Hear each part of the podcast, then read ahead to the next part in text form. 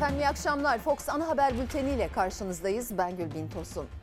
Bu akşam etiketimiz yazık değil mi? Somalı madencileri izleyeceksiniz bültende. Dört gündür Ankara'da nöbet tutuyorlar. Kendilerine aylar önce verilen sözün tutulmasını bekliyorlar hala. Yazık değil mi diye geçti içimden. Yine kamu işçilerine bugün hükümetin önerdiği zam oranını görünce belki siz de yazık değil mi diyeceksiniz. Bu başlıkla görüşlerinizi bizlerle paylaşabilirsiniz. Bültene dün şehit verdiğimiz askerimizin cenaze haberiyle başlayacağız. Mardin'in Kızıltepe ilçesinde askeri araca Suriye tarafından ateş açıldı. Ast subay Cihan Çiftçibaşı şehit düştü. Kahraman şehidimiz memleketi Nevşehir'de vatan toprağına emanet edildi.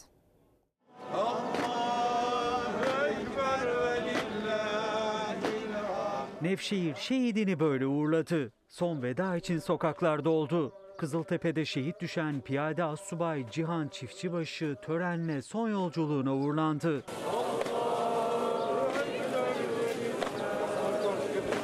Mardin'in Kızıltepe ilçesinde Şenyurt sınır hattında devriye halindeki askeri araca Suriye tarafından ateş açıldı. Saldırıda yaralanan 4 asker hastaneye kaldırıldı. Askeri aracın sürücüsü piyade assubay Cihan Çiftçibaşı ağır yaralıydı. Tüm çabalara rağmen kurtarılamayarak şehit düştü. Şehit Çiftçibaşı'nın cenazesi Mardin'deki törenin ardından memleketi Nevşehir'e getirildi. Esselamu Aleyküm ve. Şehit asker için baba evinin bulunduğu Derinkuyu ilçesine bağlı Çakıllı köyünde cenaze namazı kılındı. Şehit Çiftçibaşı köy mezarlığında toprağa verildi. Şehidimize Allah'tan rahmet, yakınlarına başsağlığı diliyoruz.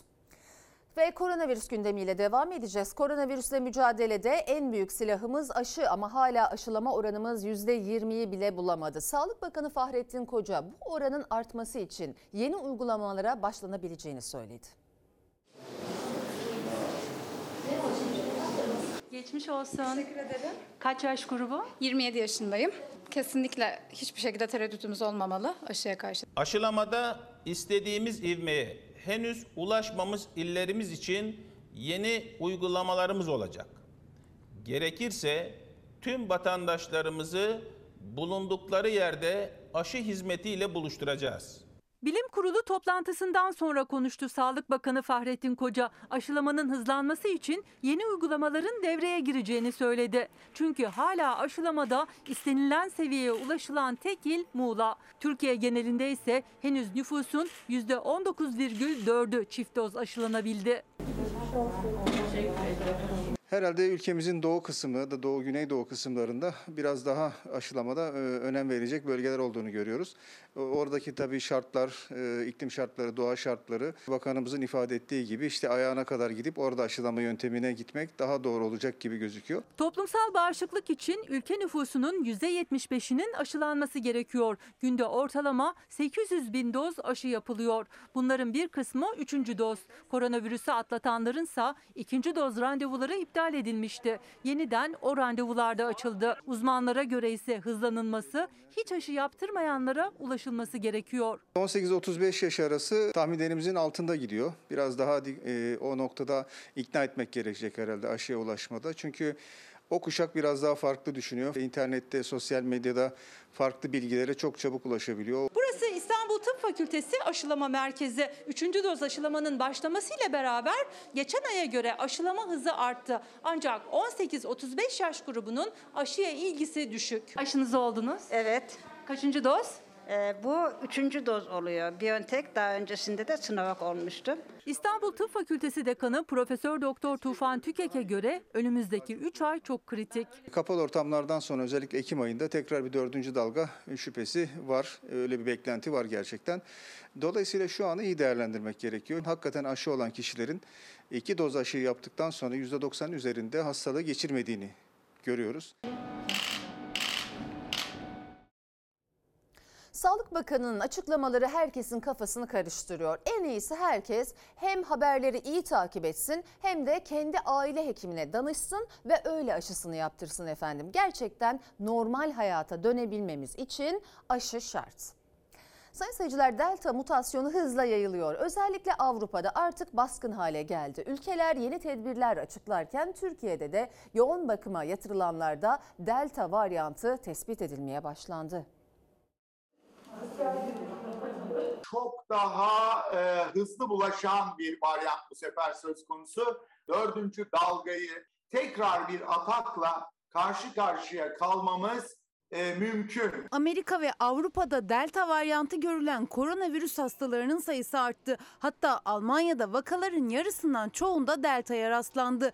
Dünya alarm verirken Türkiye'de de delta mutasyonu yoğun bakımlara ulaştı. Bu yoğun bakımlara düşenler aşılı ise organ fonksiyonları korunduğu için yoğun bakıma düşseler dahi daha hafif atlatacaklar. İşte aşılama bu kadar kritik. Türkiye'de günlük vefat sayısı yeniden 50'nin üstüne çıktı. Yoğun bakıma yatırılan ve delta varyantı tespit edilen hastaların ortak özelliği aşısız olmaları. İsrail'de de en çok çocuklarda tespit edildi delta mutasyonu. Sebebi diğer yaş gruplarından çok daha sonra çocukların aşılanmaya başlanması. 18 yaş altı aşılanamazsa okullar açılana kadar tablo nasıl değişir?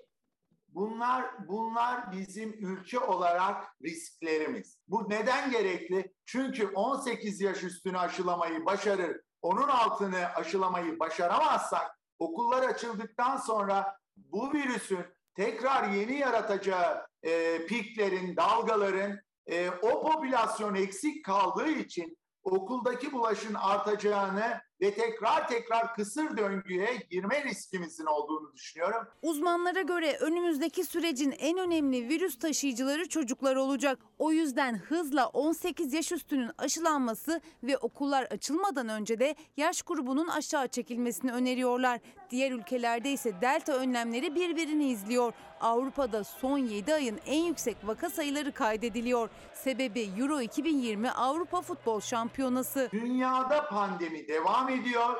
Ülkemizde pandemi devam ediyor. Bu tür organizasyonlar e, işte biraz önce söylediğiniz futbol karşılaşmaları gibi bunların da etkisiyle yeni yeni varyantlarla e, karşılaşacağımız bir döneme giriyoruz. Olimpiyatlara ev sahipliği yapmaya hazırlanan Japonya'da da olağanüstü hal ilan edildi. Oyunlara seyirci kabul edilmeyecek. Türkiye'de ise henüz karantinalarla delta'nın hızı kesilmeye çalışılıyor. Adıyaman'da 9 hane, Zonguldak'ta ise 50 kişi delta karantinasında.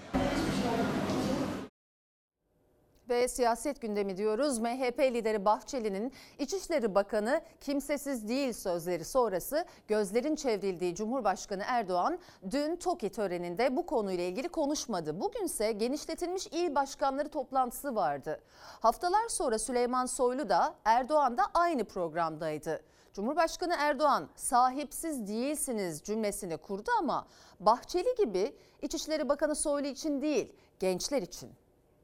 Kim demiş Sayın Soylu yalnız diye? Kim demiş Sayın Soylu kimsesiz diye? Gençlerimize sesleniyorum. Müsteri olun. Hiçbir insanımız sahipsiz değildir. MHP lideri Bahçeli İçişleri Bakanı sahipsiz değil dedikten iki gün sonra Cumhurbaşkanı'na çevrilmişken gözler Erdoğan gençlere seslendi sahipsiz değilsiniz diyerek. Dikkat edin şu ana kadar Süleyman Soylu'yu açıktan destekleyen hiçbir AK Parti'nin önemli ismi çıkmadı. İçişleri Bakanı mert ve milletperver bir devlet adamıdır. Süleyman Soylu'nun sırtında Erdoğan'la Bahçeli bilek güreşi yapıyor. Ben bunu çok keyifle izleyemiyorum. Bu bilek güreşi aynı zamanda devleti de çürüten bir tablodur. MHP liderinin İçişleri Bakanı'na sahip çıkan sözlerini Soylu'nun Bahçeli'ye büyüğümüz diyerek teşekkürünü muhalefet Cumhurbaşkanı'na açık mesajlar olarak yorumladı. Cumhurbaşkanı Erdoğan'la Süleyman Soylu haftalar sonra il başkanları toplantısında AK Parti Genel Merkezi'nde aynı salondaydı. Terör örgütleri kullanarak kan dökmek suretiyle Türkiye'yi rayından çıkartmayı başaramayanlar Cumhurbaşkanı Erdoğan'ın terörle mücadeleden söz ederken Soylu'nun Erdoğan'ı selamlama anlarını kaydetti kameralar.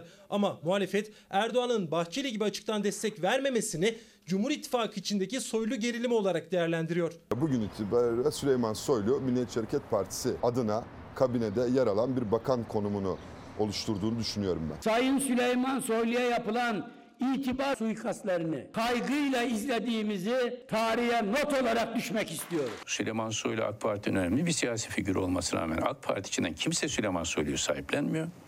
Ve Bahçeli AK Parti'ye ders veriyor. Devlet Bahçeli'ye rağmen Erdoğan Süleyman Soylu ile sosyal mesafeyi korurken Bahçeli'ye de kararnameyle bir cevap verdi. Son emniyet kararnamesi de Erdoğan Bahçeli arasındaki gerilimin kanıtı diyor muhalefet. Süleyman Soylu'ya beni kim görevden alacakmış görelim bakalım resti çeken Emniyet Genel Müdür Yardımcısı Mustafa Çalışkan görevinin başında kaldı. Bir operasyonda ele geçirilen mermilerle andımız yazan Trabzon Emniyet Müdürü Metin Alper ise İçişleri Müşaviri olarak Sudan'a atandı. Andımıza sahip çıkan Trabzon Emniyet Müdürümüz soluğu Sudan'da aldı. Bir kararnameyle de aslında Bahçeli'ye bir cevap veriyor. Andımıza sahip çıkan Emniyet Müdürü'nün Sudan'a atanması, İçişleri Bakanı'na rest çeken Emniyet Genel Müdür Yardımcısının koltuğunu koruması muhalefete göre Erdoğan'ın Bahçeli'ye soylu mesajı. Efendim Oğuz Bey diyor ki yazık değil mi? Bence Çalışma Bakanı bile bile 700 bin işçiyle dalga geçiyor, emekle dalga geçiyor. Zaten bu Çalışma Bakanlığı'nın talihsizliği. Hep işi bilmeyen kişiler bu bakanlığa getirildi. Yazık değil mi?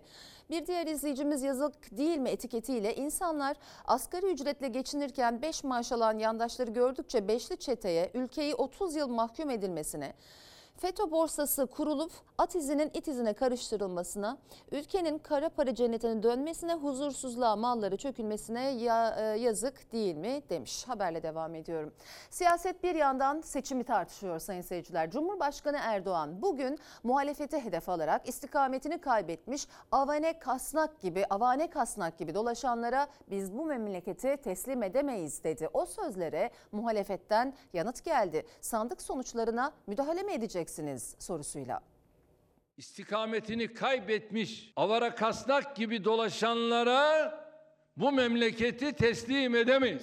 Ne demek istiyorsun ya? Teslim etmeyeceğiz derken sandık sonuçlarına karşı başka bir düşüncen mi var? Varsa onu bilelim. Cumhurbaşkanı Erdoğan'ın muhalefeti hedef alarak söylediği memleketi teslim edemeyiz cümlesini muhalefet seçim sonuçlarına müdahale olarak yorumladı. Memleketi teslim etmeyeceğiz ne demek? Buna millet karar verir. Sen veremezsin. Bunların yalan, iftira, çarpıtma siyaseti karşılık bulamaz. Seçimlere kadar iki yıllık bir vakit var. Benim kanaatim bir daha seçileceğini ben düşünmüyorum. 2022 Haziran'dan önce seçim yapmak zorunda. Bizim için şurada son iki durak var. Çok önemli. Bu 2021'dir, 2022'dir. 2023 tamamen seçim yılıdır. Cumhurbaşkanı Erdoğan muhalefetin erken seçim beklentisine rağmen il başkanları toplantısında teşkilatlarına 2023 seçim yılı dedi bir kez daha talimatlarını da sıraladı. Burada kabine üyelerimiz var. Milletvekillerimiz var. Meclisin ara vermesiyle birlikte arazide olacağız. Meydanlarda olacağız. İstanbul milletvekili kapı kapı dolaşıp ne diyecek? Pandemide dağıttığın 10 milyarı elektrik ve doğalgaz zammıyla iki katıyla milletten geri aldığını esnafa nasıl anlatacak? Erdoğan'ın teşkilatlarına arazide meydanlarda olacağı sözlerine de muhalefetten sokağın siyasetin gündemindeki sıcak başlıklarla yanıt geldi. Senin kadın kolları başkanın, İçişleri Bakanı'nın iddia ettiği mafyadan her ay 10 bin dolar alan AK Partili siyasetçiyi Bağcılar'daki esnafa nasıl anlatacak merak ediyorum. Arazide yapacağımız çalışmaların raporlarını genel merkeze kesinlikle raporlayacağız. Hangi arkadaşlarımız ne kadar çalışma yaptı? Hangi ilimizin durumu nedir, ne değildir? Sizlerden alacağız. İl Genel Meclisi üyen tarladaki traktörü haczedilen çiftçiye nasıl anlatacak da elini sıkacak? Devletten 3-4 maaş alan AK Parti eskisi siyasetçileri ve bürokratları Bahçeli evlerdeki manava nasıl anlatacak? Merak ediyorum. Görünür derken seçim yok ama Cumhurbaşkanı'nın net seçim çalışması talimatları var. Siyasette de tartışması. Efendim Gürkan Bey demiş ki 11 Temmuz DGS di- dikey geçiş sınavı 12 Ağustos sonuç ta 4 Eylül yaz okulu sınavı DGS tercihlerini insanlar mezun olmazsa DGS'ye girmenin ne anlamı var? Ne zaman mezuniyet belgesi alıp da kayıt yaptıracak? Yazık değil mi? Anadolu Üniversitesi'ne 3 maymunu oynama diyor uzun zamandır öğrenciler. E, Açık Öğretim Fakültesi özellikle. Bir Hamza Bey de Sayın e, Cumhurbaşkanı yardımcılarımız pandemi döneminden beridir şoför esnafımız zor durumda. Ehliyet affı beklemektedir. MHP milletvekillerinin mecliste dile getirdiği mağduriyete ses olun. Ehliyet ekmeğimiz yazık değil mi demiş. Sayın seyirciler, Millet İttifakı liderleri arasında Cumhurbaşkanı adayının kim olacağına dair bir görüşme, bir tartışma yok aslında. Ama kurmaylardan dikkat çekici açıklamalar sürüyor. CHP Genel Başkan Yardımcısı Bülent Kuşoğlu'nun adayımız Kılıçdaroğlu açıklamasının ardından İyi Parti Genel Sekreteri Uğur Poyraz da adayımız Meral Akşener çıkışını yaptı. Bizim adayımız Meral Akşener. Liderler adaylık tartışmasının uzağında kalmaya çalışıyor ama kurmaylar gönüllerinden geçen ismi açık açık dile getiriyor. İyi Parti Genel Sekreteri Uğur Poyraz da İlker Karagöz'le Fox Çalar Saat programında Cumhurbaşkanı adayımız Meral Akşener dedi. Cumhuriyet Halk Partisi ile çok güzel bir birlikteliğimiz var. Türkiye Cumhuriyeti Devleti'nin e, Cumhurbaşkanı'nı Meral Akşener olarak görmek hepimizin en büyük umudu. Adayımız, Cumhurbaşkanı adayımız Sayın Kemal Kılıçdaroğlu'nun sevgi ve saygılarını iletiyor. İnşallah Cumhurbaşkanım hoş geldiniz. Ya durun bakalım. CHP Genel Başkan Yardımcısı Bülent Kuşoğlu da adayımız Kılıçdaroğlu demiş. CHP lideri Mersin'de Cumhurbaşkanım hitabına temkinli yanıt vermişti. Bireysel beklenti içinde olmadığını söylemişti. Ben ve arkadaşlarımın hiçbir bireysel tercihi ya da hiçbir bireysel beklentisi yoktur. Millet İttifakı liderlerinden kim konuşsa aynı cümleleri kuruyor aslında. Aday Millet İttifakı'nın ortak kararı ile çıkacak diyor. Kurmayları da aynı görüşte ama gönüllerinden geçeni de saklamıyorlar artık. İyi Parti Genel Sekreteri Uğur Poyraz Kılıçdaroğlu'ndan da övgüyle bahsetti ama Akşener Cumhurbaşkanı olmalı dedi. Sayın Kılıçdaroğlu da kalbi ülkesi için atan bir lider. Önümüzdeki seçimlerdeki ittifak süreci dahil olmak üzere bunların hepsi İyi Parti'nin yetkili kurullarıyla istişare edilecektir. O güne kadar İyi Parti'nin mücadele ettiği konu Sayın Genel Başkanımızı Cumhurbaşkanı yapabilmektir. Geçtiğimiz hafta yayınlanan tasarruf genelgesi sonrasında Cumhurbaşkanlığına ait yazlık konutun fotoğrafları siyasetin sıcak tartışması oldu. Cumhurbaşkanı Erdoğan ne tasarruf genelgesine ne de yazlık konut eleştirilerine yanıt verdi. CHP liderinin Cumhurbaşkanlığına ait uçakları satacağım sözleri gündemindeydi. Erdoğan Kılıçdaroğlu'na uçakları satınca tarifeli uçakla mı uçacaksın diye sordu. Kılıçdaroğlu yanıt verdi. İşte neler söylediğini görüyorsunuz.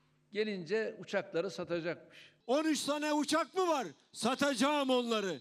Lüks arabalar mı var? Satacağım onları. Dünyayı dolaşacaksın. Neyle? Tarifeli uçaklarla mı? CHP liderinin kamudaki israfa dikkat çekerken kurduğu Cumhurbaşkanlığına ait uçakları satacağım sözleri iki lider arasında yeni bir polemik başlattı. Devlet yönetmenin ne anlama geldiğinden senin haberin yok ya. Yani uçakları sattığın zaman devleti yönetmiş mi oluyorsun? Ama unutmayın ben maliyeciyim. Tam 27 buçuk yılımı devlete verdim. Vergi nasıl toplanır, bütçe nasıl yapılır, para nasıl harcanır, tasarruf nasıl yapılır, israf nasıl önlenir bunların hepsini biliyorum. İyi bir vergi memuru olduğunu söylüyor. Oradan topladığı paralarla tarifeli uçağa binecekmiş. Hayırlısı olsun. Sen bu kafayla daha çok gidersin. Gel diyoruz er meydanına kaçıyorsun. Gelirsen görürsün satacak mıyım satmayacak mıyım. Sen kaç biz kovala. Nereye kadar Erdoğan? Hemen seçim. Erdoğan'ın sözlerine sosyal medyadan yanıt verdi Kılıçdaroğlu. Erken seçim çağrısı yaparak uçakları nasıl satacağımı göreceksin dedi. Cumhurbaşkanının tarifeli uçak çıkışına da tarifeli uçuşuna ait fotoğrafla yanıt verdi. Yarış edeceksin. Neyle? Tarifeli uçaklarla mı? Yo, trene binersin. Otobüslerle beraber seyahat edersin. Ve ondan sonra da ben muasır medeniyetler seviyesinin üstüne çıkacağım dersin. Atatürkçüsün ya. Bir de anlaşılan bir yere tarifeli uçakla gitmeyi, metroya, trene binmeyi korkunç bir şey olarak görüyorsun. Korkma o kadar kötü değil. Halkınla birlikte oluyorsun, dert dinleyebiliyorsun. Bu aralar senin çok ihtiyacın var bunlara. Benden söylemesi. Hepiniz tasarruf edeceksiniz ama ben istediğim gibi harcayacağım diyor. Niye? E keyfi öyle istiyor. Tasarruf genelgesinin gölgesinde Cumhurbaşkanlığının yeniden inşa edilen ve çok tartışılan yazlık konutu da muhalefetin gündeminde. Bir ülkenin itibarı yazlık, kışlık saraylarla sağlanmaz. Vatandaşının refahıyla sağlanır.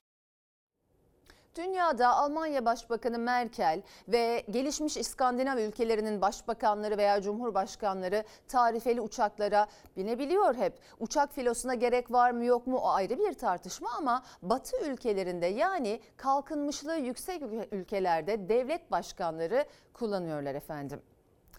Sayın seyirciler, Milli Savunma Bakanlığı İşkur üzerinden kura ile birçok branşta işçi alımı yapacak. Ancak CHP bu kura çekimi öncesinde AK Parti Mamak İlçe Teşkilatı'nın başvuru yapan teşkilat üyelerine başvuru formlarını bize getirin şeklinde bir mesaj attığını ileri sürdü.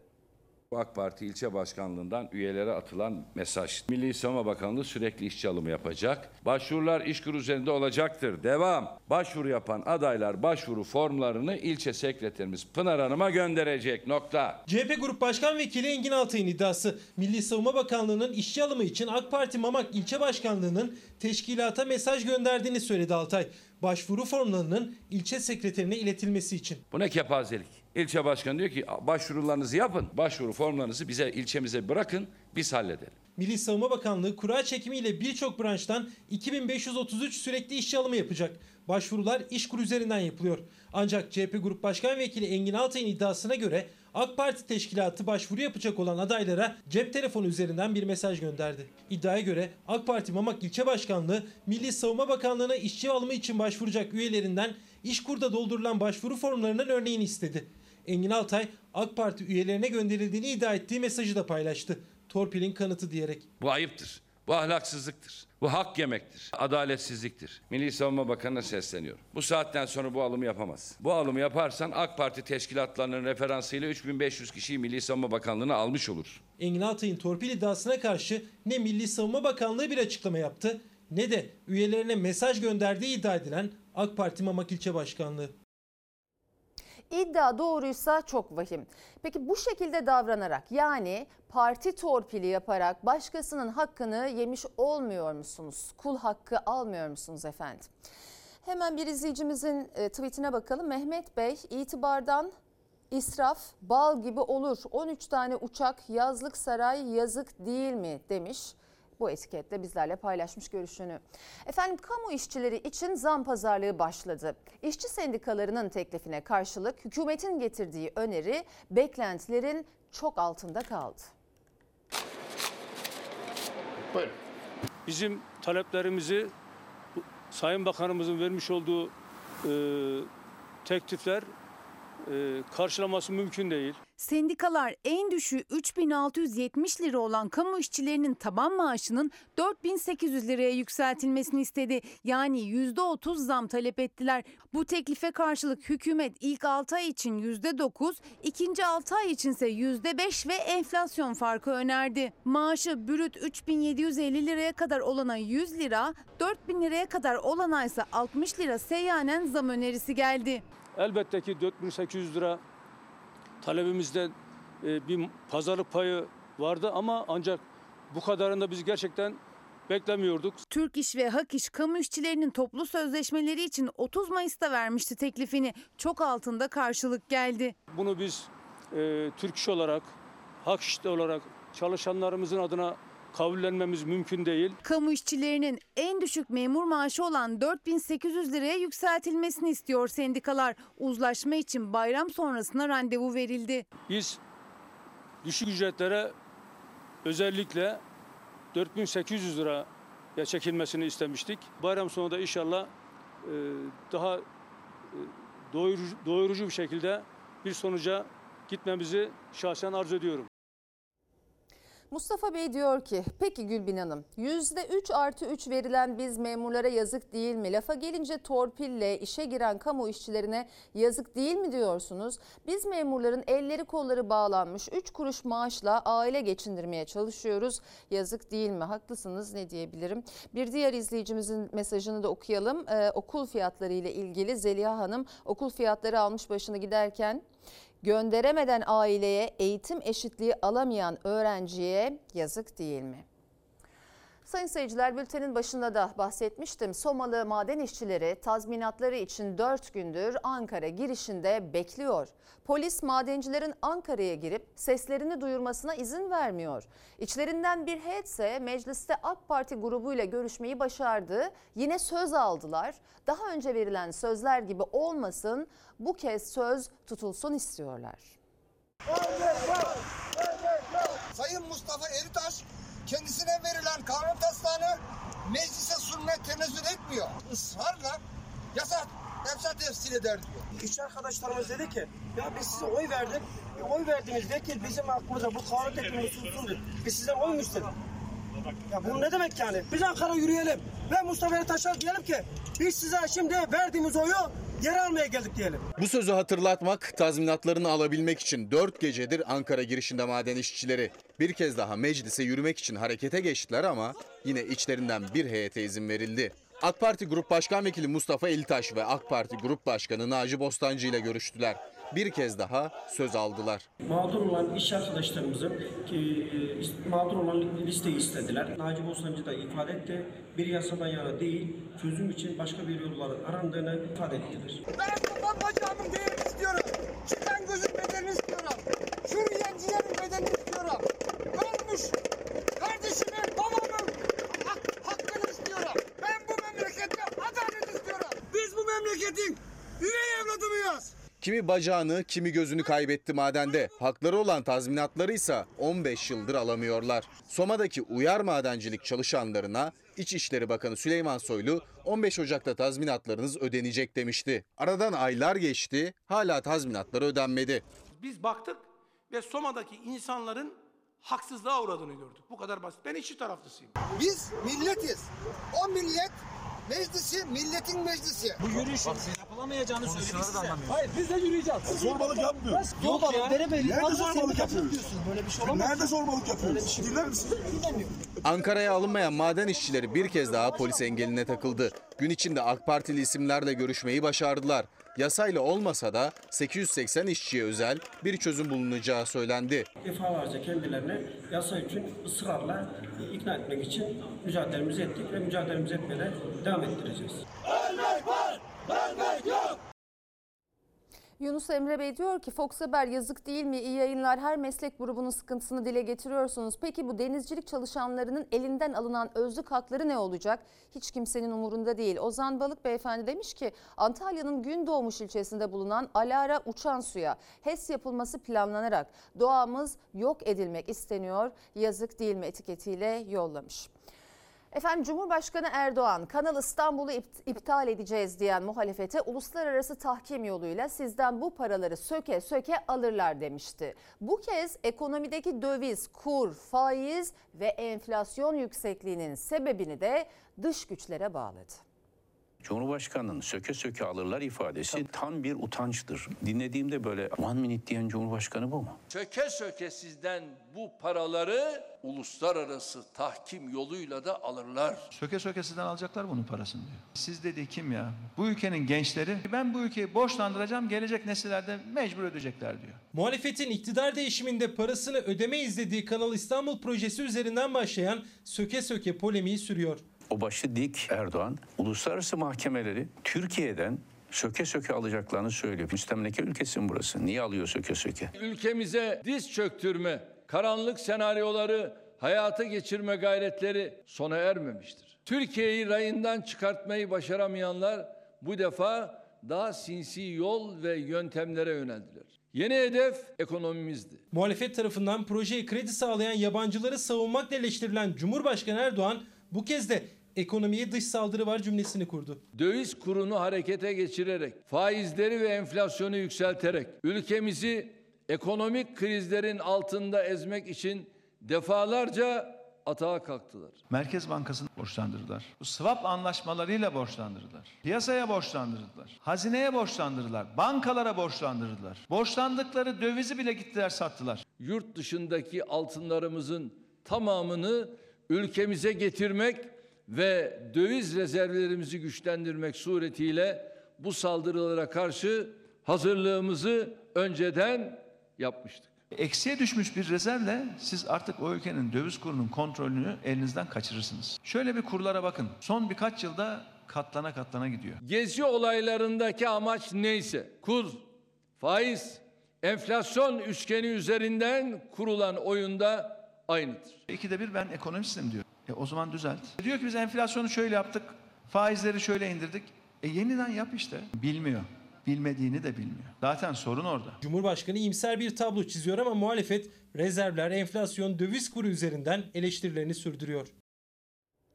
Efendim Ozan Bey diyor ki ülkemizde pilot akademilerinden mezun olmuş yaklaşık 3500 Türk pilot varken havayolu firmaları hala yabancı pilotları bünyelerinde çalıştırıyor. Bizleri 2 yıldır işe almıyorlar. Biz işsiz kalıp mesleğimizden uzaklaştıkça nasıl günü geldiğinde işe başlayacağız? Nerede kaldı yerli ve milli olmak? Biz bu ülkede pilot olup bu topraklara katma değer katmak istiyoruz. Lütfen sesimiz olun yazık değil mi bize? İrfan Bey de aynı etiketle 5000 yıllık devlet geleneği olan Türk milleti siyasi, ticari, ekonomik sıkıntılar içinde. Eğitim, sağlık, üretim, kültür, sanat ve adalet sistemleri çökmüş durumda. Toplumun içinde huzur ortadan kalkmış. Nasıl bir günah işledik biz bunları hak ediyor muyuz diye soruyor. Haberle devam edeceğiz.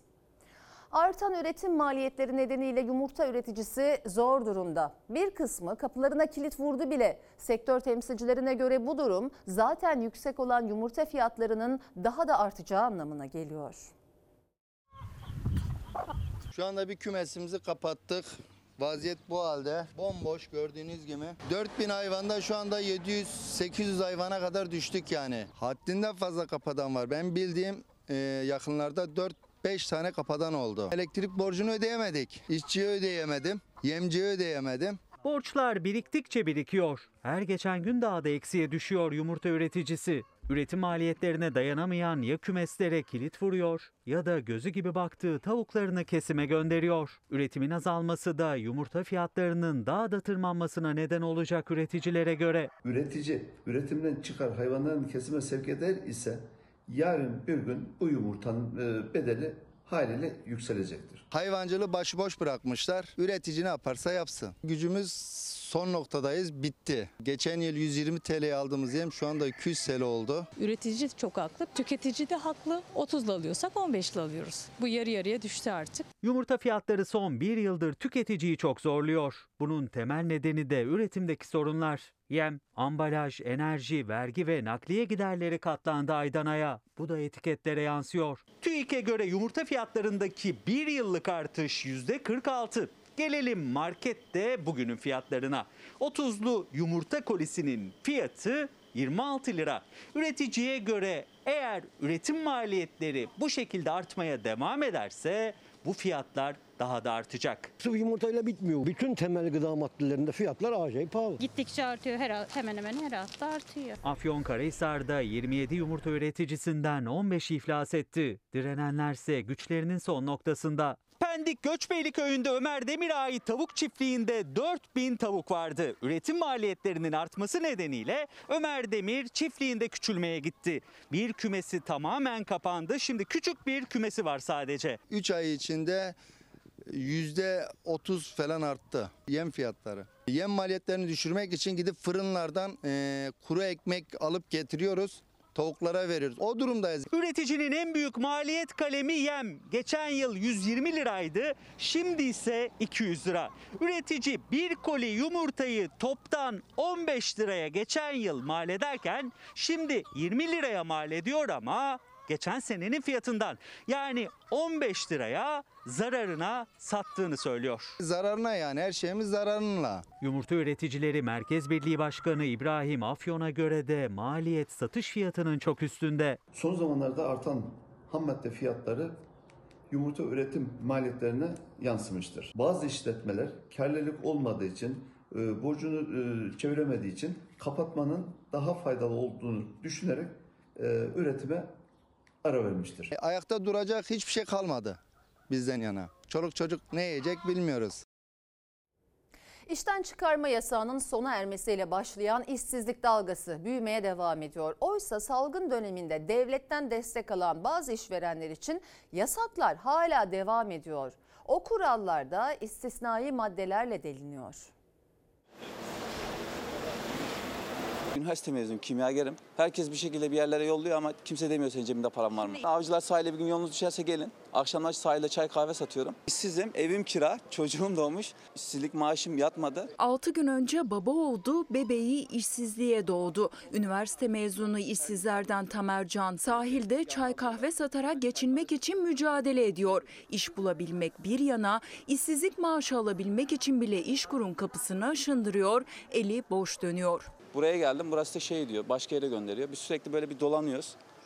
Asıl sıkıntı şu şimdi işsiz olan insanların ceplerinde paraları yok. Bir yerden bir yere gitmek için de para gerekiyor İstanbul'da. Şimdi beni büyük çekmeceye gönderdiler. Başka geliriniz Başka hiçbir gelirim yok. Birikiminiz var mı? Birikim vardı hepsi bitti. Sıfır. Borcum da çok var. Ne kadar kazanıyorsunuz çay kahve satarak? 30, 40, 50, 60, 70, 100 lira arası değişiyor. İşten çıkarma yasağı 30 Haziran'da sona erdi. Aslında salgın döneminde devletten destek alan çoğu işverenin şu an işçi çıkarmaması gerekiyor. Aksi takdirde aldıkları desteği faiziyle geri ödeme cezası var ama çoğu buna uymuyor. 7 aylık sürede işverenlere yanında çalıştırdığı personeli için sigorta prim desteği sunuldu. 10 tane kodla bildirim çıkış bildirimi yasak. Yarısından daha fazlasını işten çıkartırsa bu sefer de paralarını geri iade edecekler.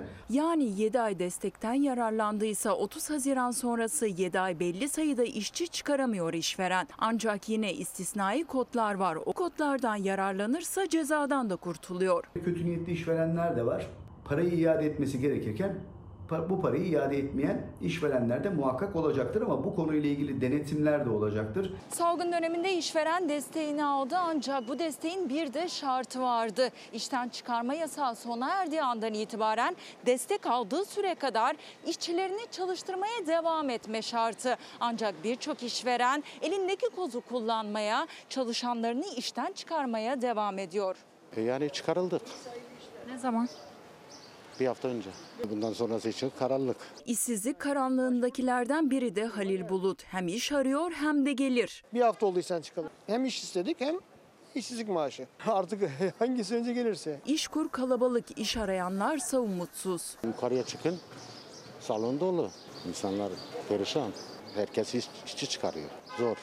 Ümidim yok. Gençler bulamıyor. Üniversiteyi bitirenler bulamıyor. Biz nasıl bulacağız? Bugün 25 kişinin yaşamını yitirdiği Çorlu tren faciasının o büyük acının 3. yıl dönümü. 3 yıldır acılar kadar ailelerin adalet özlemi de taze.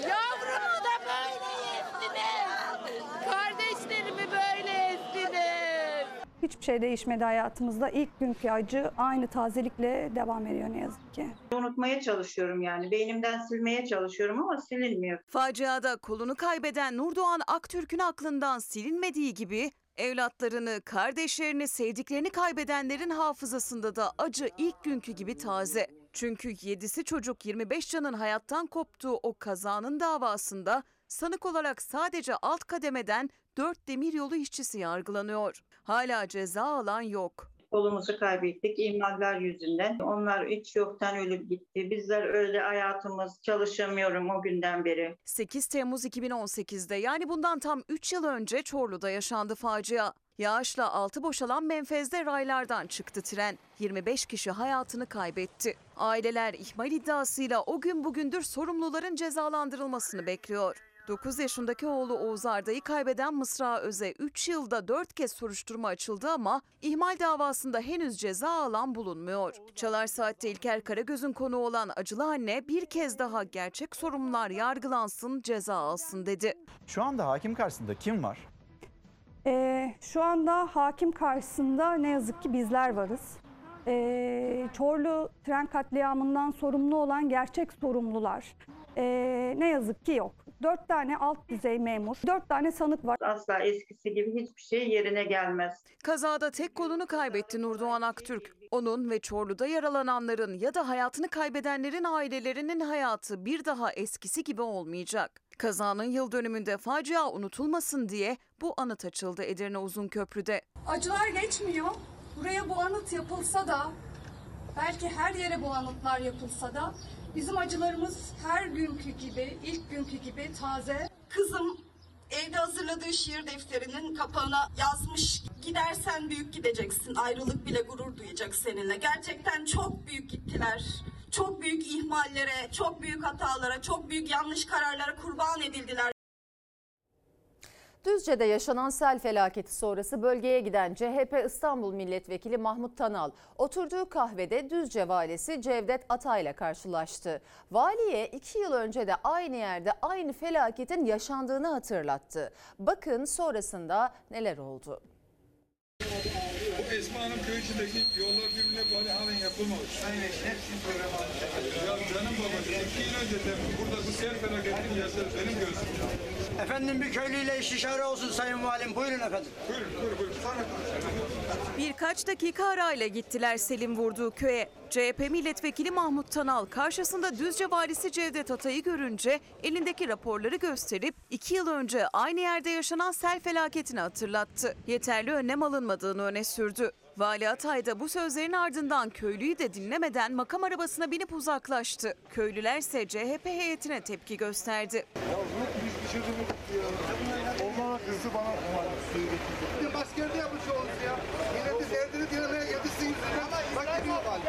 2019'da 7 kişinin hayatını kaybettiği Esma Hanım köyü bir kez daha sele teslim oldu. Neyse ki bu kez can kaybı yaşanmadı ama onlarca kişi mahsur kaldı. İki yıldır önlem alınmadı mı sorusu gündeme geldi. CHP İstanbul Milletvekili Mahmut Tanal da sel bölgesini ziyaret edenler arasındaydı. Köy kahvesine oturdu. Kısa süre sonra da Düzce valisi Cevdet Atay geldi. İki yıl önce de burada bu sel felaketini yaşadı benim gözümde. Efendim bir köylüyle istişare olsun Sayın Valim. Buyurun efendim. Buyurun, buyurun, buyurun. Sonra konuşalım. İyi günler. İstişare alacağız. Vali köyden ayrıldı. Köylüler CHP'lileri suçladı. Vali Bey gidiyor, bu benim yemeğe geldi. Burası çok yolu değil. He? Ya bıraksana. O devletin valisi. Devletin valisi, devletin. Hadi. Gerginlik uzayınca CHP'li Tanal da oradan ayrıldı. Sen çok konuşuyorsun, konuş. Çok konuş. Arkadaşlarınız var, hepinize saygı vermekte. Köylülerle konuşması gereken vali kaçtı gitti resmen. Tanal'ın kaçtı diyerek tepki gösterdiği Düzce valisi Ataysa acelem vardı dedi. Arkadaşlar ben bugün bu köye üçüncü kez geliyorum. Çalışmaları yerindeyiz dedik. Tekrar buraya geldik. Buradan acilen gitmemiz gerekiyordu. Onu söyleyeyim.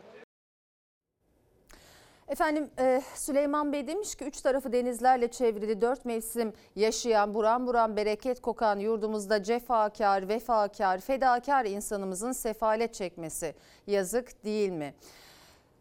Hakikaten öyle. Ee, şimdi biraz önce izlediğiniz haberi, Düzce haberini. Ee, yani iki, iki kez aynı yerde sorun yaşanıyor. Ee, bunu da vekil dile getiriyor ama yuhalanan da vekil oluyor. Enteresan tabii.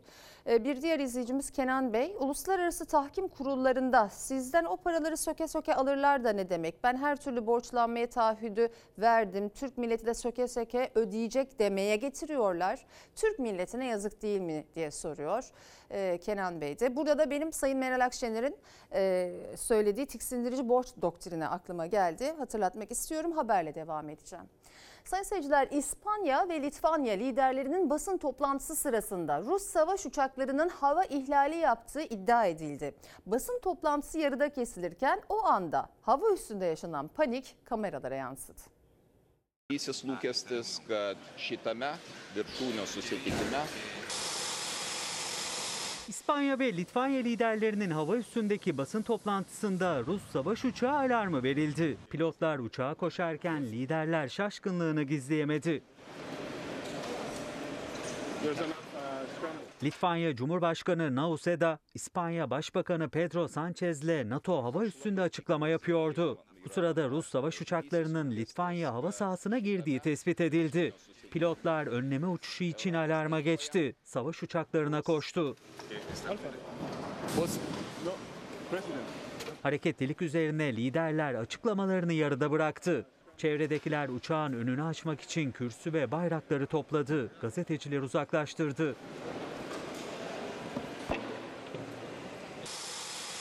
Savaş uçakları kısa sürede hava üstünden ayrıldı. Basın toplantısı kaldığı yerden devam etti. Rusya Savunma Bakanlığı uçaklarının hava sahası ihlali yapmadığını, rutin devriye uçuşu gerçekleştirdiğini savundu. Güzel bir görüntü gelecek şimdi ekranlarınıza. Japonya'nın başkenti Tokyo'da bir reklam panosuna 3 boyutlu kedi görüntüsü yansıtıldı. Dev kedi gerçekçi görüntüsüyle izleyenlerin dikkatini çekti. Reklam panosundaki 3 boyutlu kedi Tokyo'nun gözdesi oldu. Dev kedi ayağa kalkıyor, yoldan geçenlere miyavlıyor.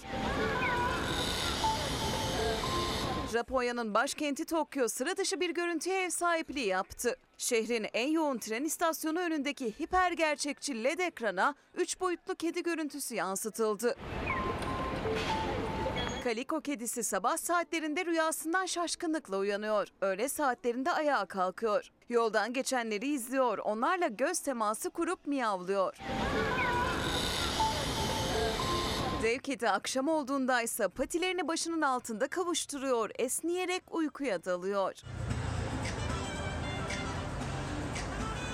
Kedinin görüntüsü büyük ilgi gördü. Sosyal medyanın en çok izlenenleri arasına girdi. Dev panonun sahibi şirket kediyi ziyaret edemeyenler için internetten canlı yayına başladı. Kedileri, köpekleri ve diğer tüm canlıları ülkemizdeki görüntüleriyle haber yapabilsek keşke ama hep kötü, hep tahammülü zor görüntülerle karşılaşıyoruz. Ee, bu arada Sayın Seyirciler Hayvan Hakları Yasası ile ilgili olarak e, gelişmeler var. Sosyal medya hesabımdan e, kötünün iyisi gelişmeler var. Artık sonuçlanınca sizlerle paylaşacağım. Bir önemli konu dördüncü yargı paketi birinci bölümü dün akşam Meclis Genel Kurulu'nda oylandı ve geçti. Artık cinsel, cinsel istismar şüphelisinin tutuklanabilmesi için somut delil aranacak. İstanbul Sözleşmesi'nden çıktığımızın Sayın Cumhurbaşkanı tarafından açıklanması kadın ve çocuklarımızın aleyhine biliyorsunuz. Sırada ne var? Medeni kanun mu? İstanbul Sözleşmesi yaşatır diyerek araya gidiyoruz. Efendim Fox ana haber bültenini burada noktalıyoruz. Fox'ta yayın kefaretin yeni bölümüyle devam edecek. İyi bir akşam geçirmenizi diliyoruz. Hoşçakalın. Can feda bir tek dostuma Her köşesi cennetin ezilir yerler için Bir başkadır benim memleketim